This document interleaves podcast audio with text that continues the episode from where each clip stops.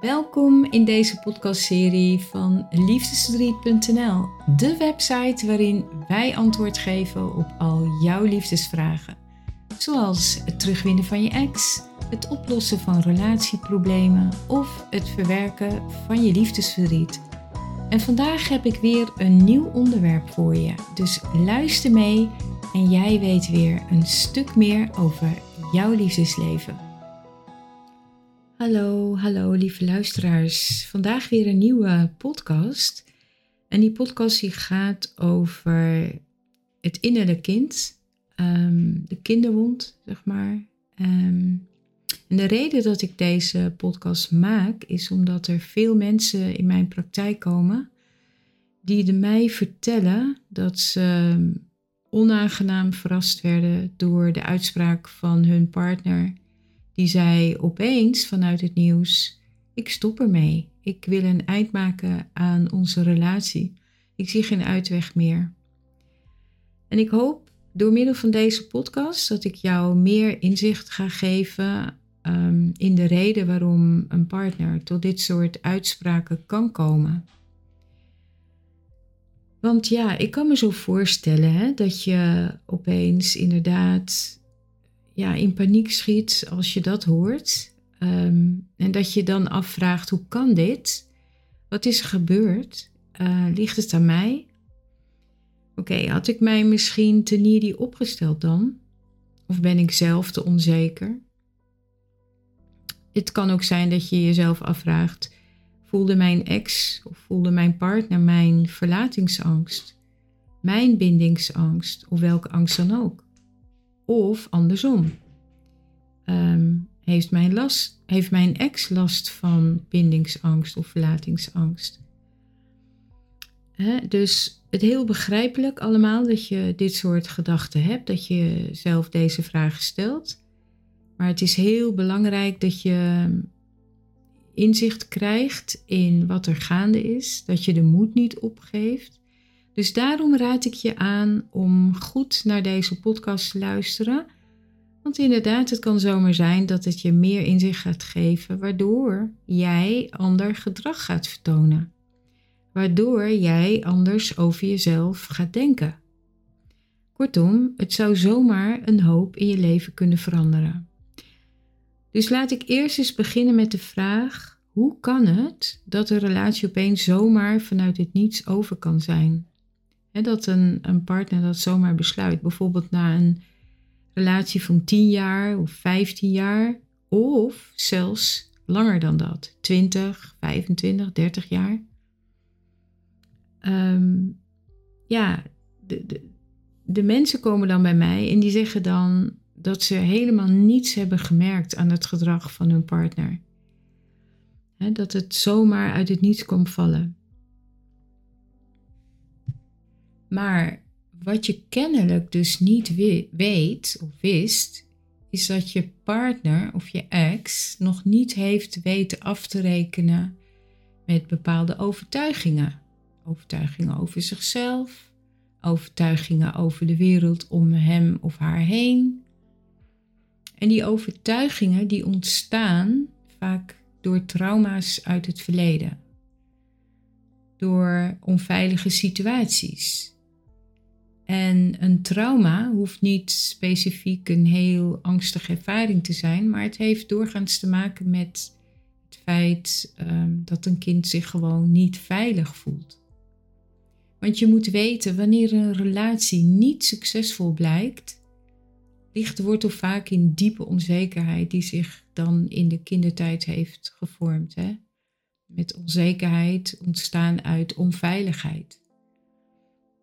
Het is ontstaan in een fase waarin een kind zich normaliter veilig zou moeten hechten. En helaas gebeurt dat vaak niet. En veel koppels beseffen dan niet hoeveel impact dat heeft op hun latere liefdesleven.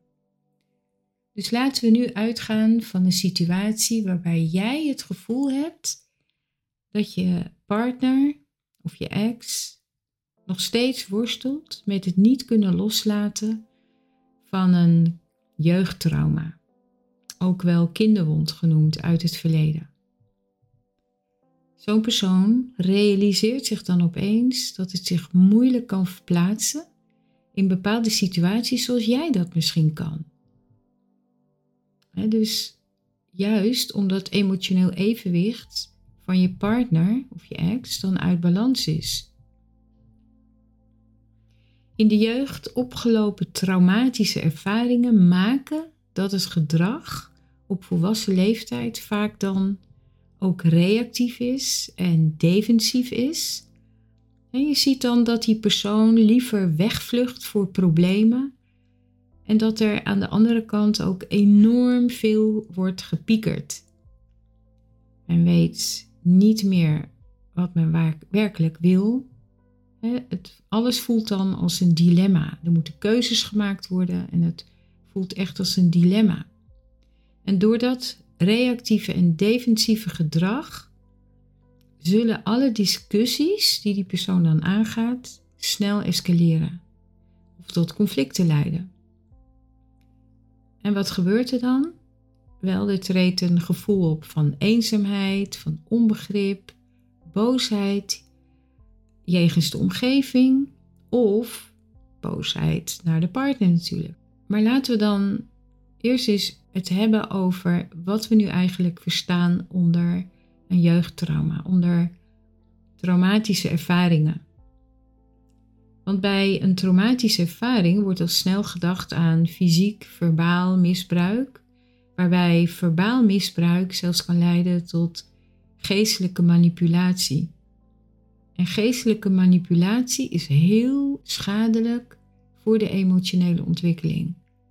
En wanneer een kind geestelijk wordt gemanipuleerd, kan het niet anders dan dat dat kind strategieën ontwikkelt om ermee om te gaan.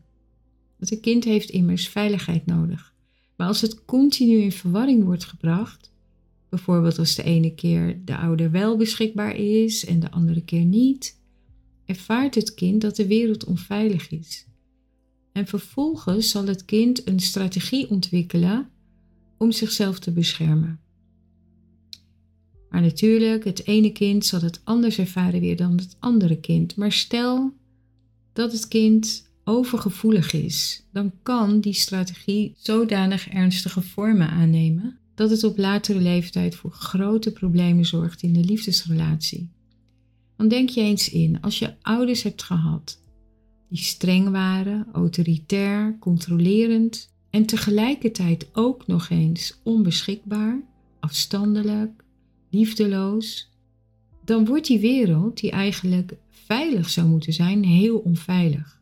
Het kind krijgt bijvoorbeeld van zulke ouders regelmatig te horen, hè, bijvoorbeeld hè, dat het niet slim is, niet capabel is om iets te doen, of erger nog, en ik heb het serieus meegemaakt dat een cliënt mij vertelde dat zij te horen kreeg dat het maar beter was geweest als ze niet was geboren.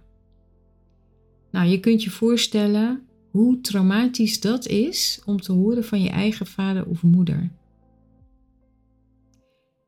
Maar goed, een jeugdtrauma hoeft niet per se veroorzaakt te worden door uitspraken van de ouders of gedrag van de ouders. Hè. Het kan ook zijn dat het te maken heeft met de relatie uh, met een broer of een zus of een familielid. Maar het kan zelfs zijn dat het kind iets heeft meegemaakt uh, op school. Hè, dus uit de directe leefwereld van het kind. Nou, er kloppen dus heel veel mensen bij me aan die mij vertellen dat die onverwerkte gevoelens opeens zijn opgekomen.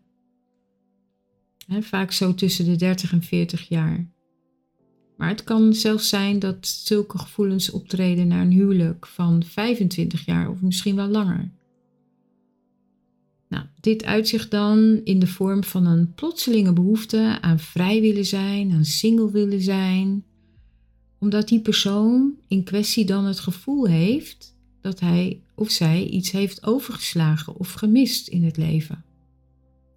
En natuurlijk speelt daar ook de sociale druk bij hè, vanuit de maatschappij, die is zeker toegenomen. En uh, ja, het is een factor die ervoor zorgt dat zo'n gevoel kan ontstaan. En die gevoelens die kunnen zo sterk worden dat er totale verwijdering ontstaat tussen beide partners. Je kan dan niet meer de aandacht geven aan de relatie die het nodig heeft. En die stress en die zorgen, die kunnen dan zo sterk aanwezig zijn.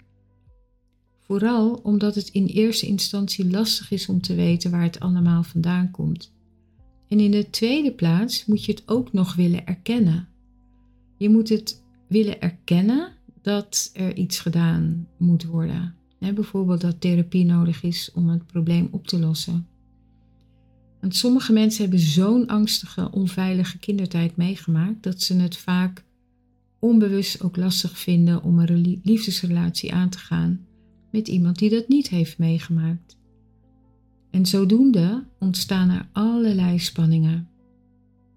Wanneer er sprake is van een trauma, is het namelijk vaak zo dat je jezelf niet meer begrijpt. Laat staan de wereld om je heen. Het is dan meestal ook moeilijk om onderscheid te maken tussen goed en kwaad. En ja, het wordt ook steeds lastiger om erover te praten. Kijk, jonge kinderen kun je van alles wijs maken. Hè? Ze nemen gemakkelijke dingen aan als zijnde normaal. En als ze worden geconfronteerd met fysieke, verbale of emotionele mishandeling, ja, dan kan dit hun mentale welzijn saboteren. En na verloop van tijd manifesteert het misbruik zich in ja, dysfunctionele interpersoonlijke relaties, zou ik maar zeggen. Waardoor hun leven over de gehele linie, dus niet alleen in liefdesrelaties, maar over de gehele linie wordt verpest. In allerlei soorten relaties. Ja, een kindsdeel in de volwassene blijft zichzelf vertellen dat het ooit wel goed komt, als het maar elke keer harder aan zichzelf blijft werken. Maar je kunt nog zo hard op cognitief niveau werken aan jezelf, in je hoofd blijven en alles analyseren.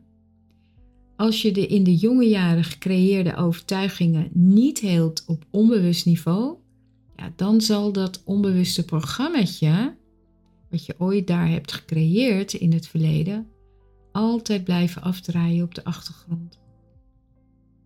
En een behandeling via hypnotherapie gaat dan ook zoveel sneller dan wanneer je tientallen sessies bij de psycholoog volgt. er komen heel veel mensen bij me die zeggen dat ze ja, veel sessies hebben gevolgd bij de psycholoog, of dat hun partner of ex sessies heeft gevolgd bij de psycholoog en dat het eigenlijk niet zo heel veel heeft geholpen. Nou, zoals je wellicht weet, sinds 2020 ben ik gediplomeerd hypnotherapeut en behandel ik veel mensen van hun emotionele problemen af, waaronder liefdesverdriet. En dat doe ik veelal met online sessies hè, via videobellen, want het werkt werkelijk fantastisch, omdat je in je eigen veilige omgeving bent, waardoor je die suggesties die ik zeg makkelijker aanneemt en je onderbewuste de betekenis die het ooit aan situaties gaf, kan veranderen.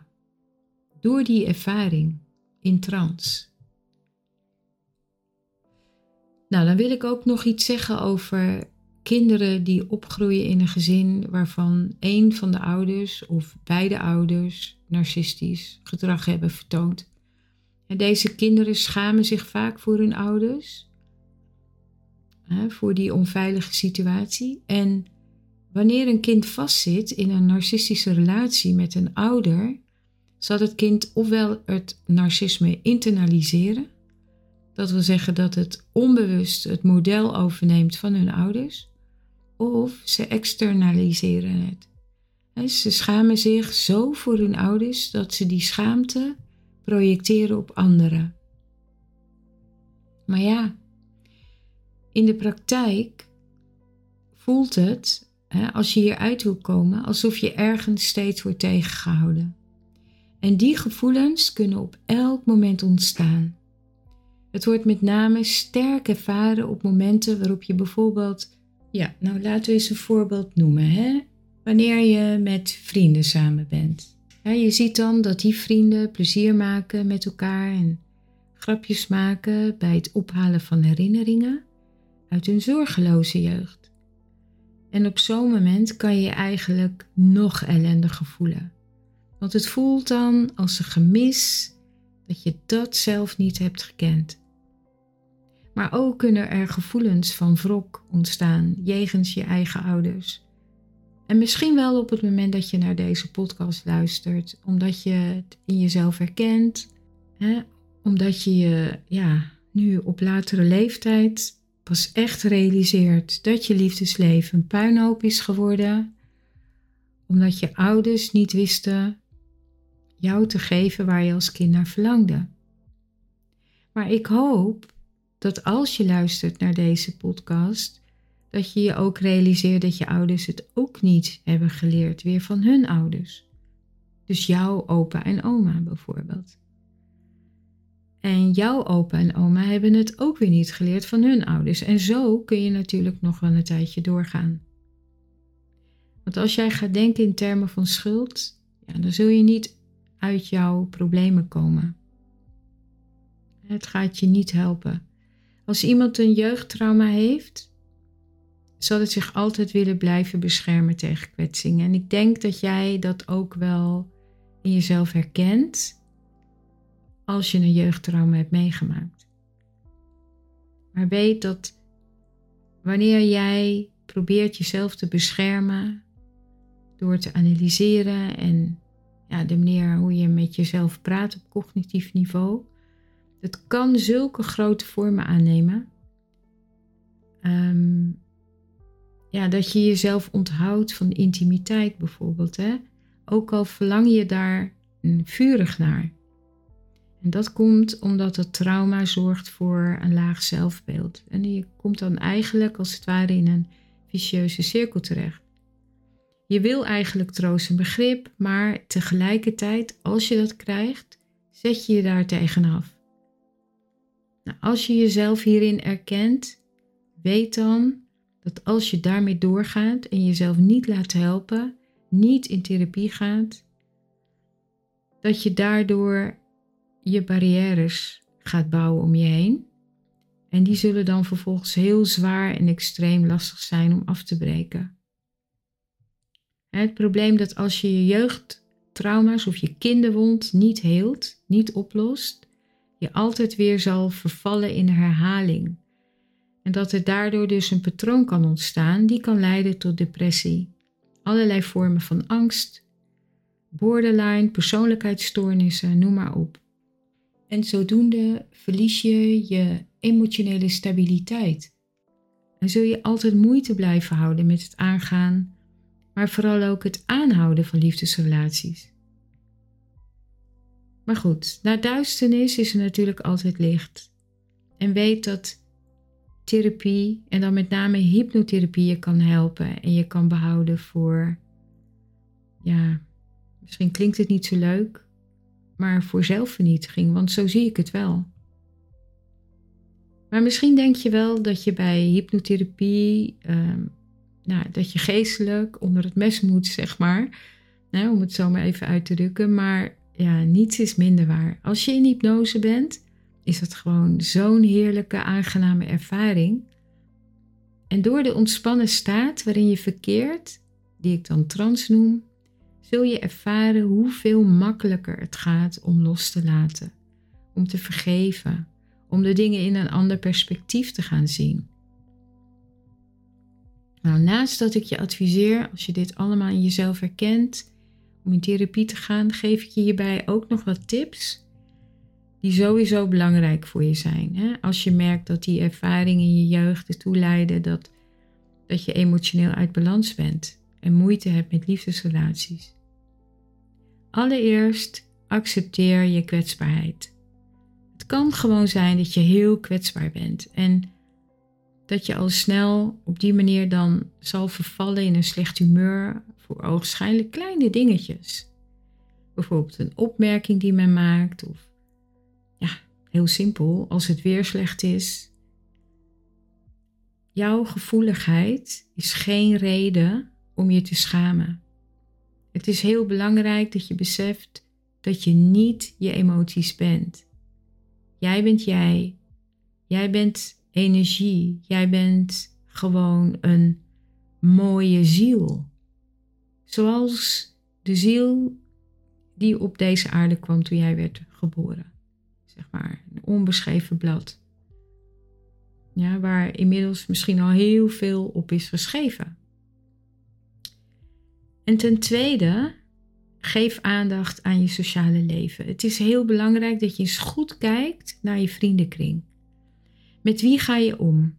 En waarom heb jij die mensen in je leven? Waarom heb jij die mensen in je kring van vrienden?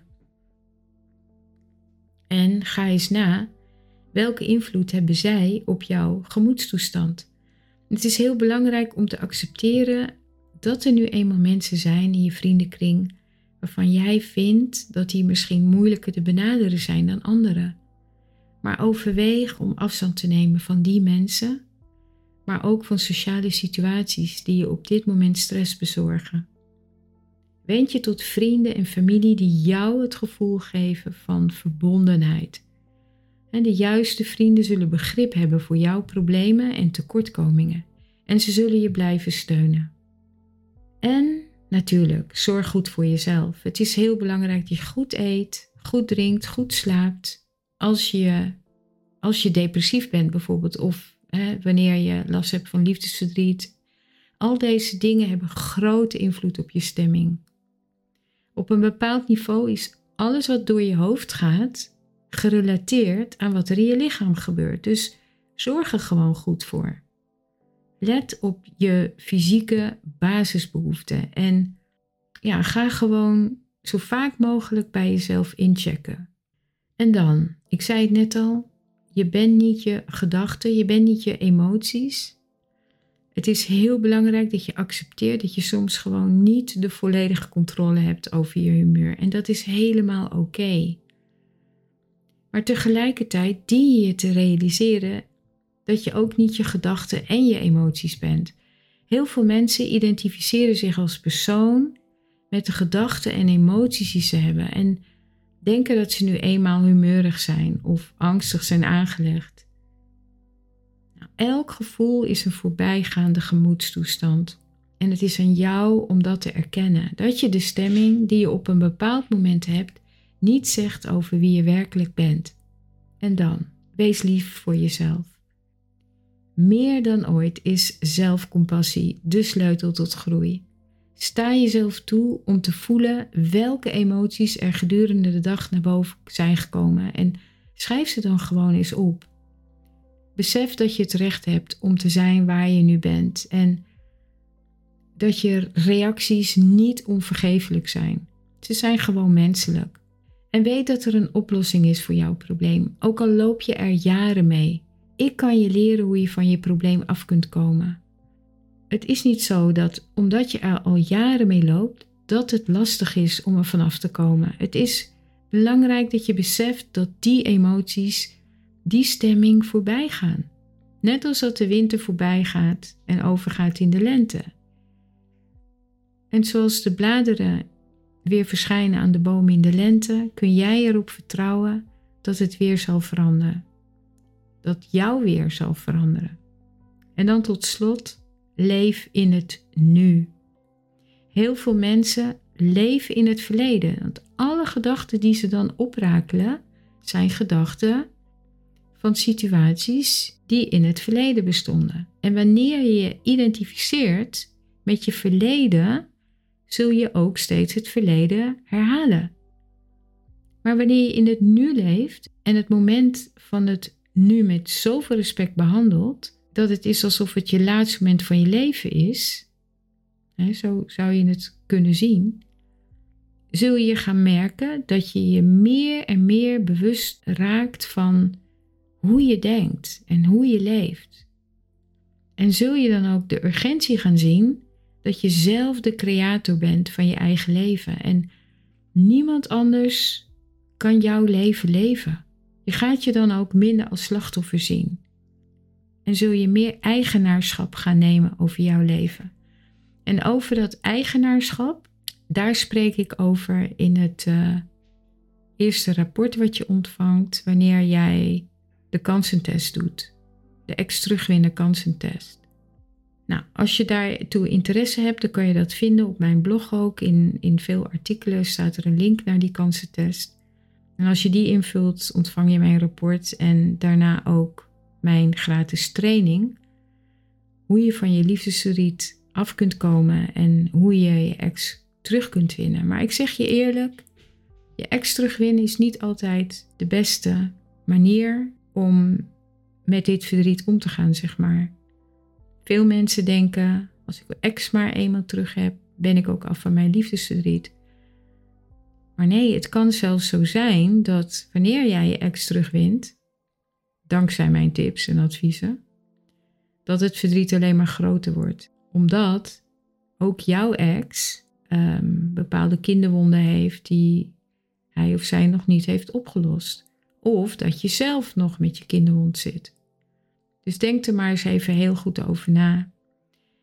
Ik kan je dus helpen meer inzicht te geven over jouw situatie, wat je het beste kan doen, hoe je je liefdesverdriet kunt verwerken. Ik heb daar ook een heel mooi boek over geschreven. Hè?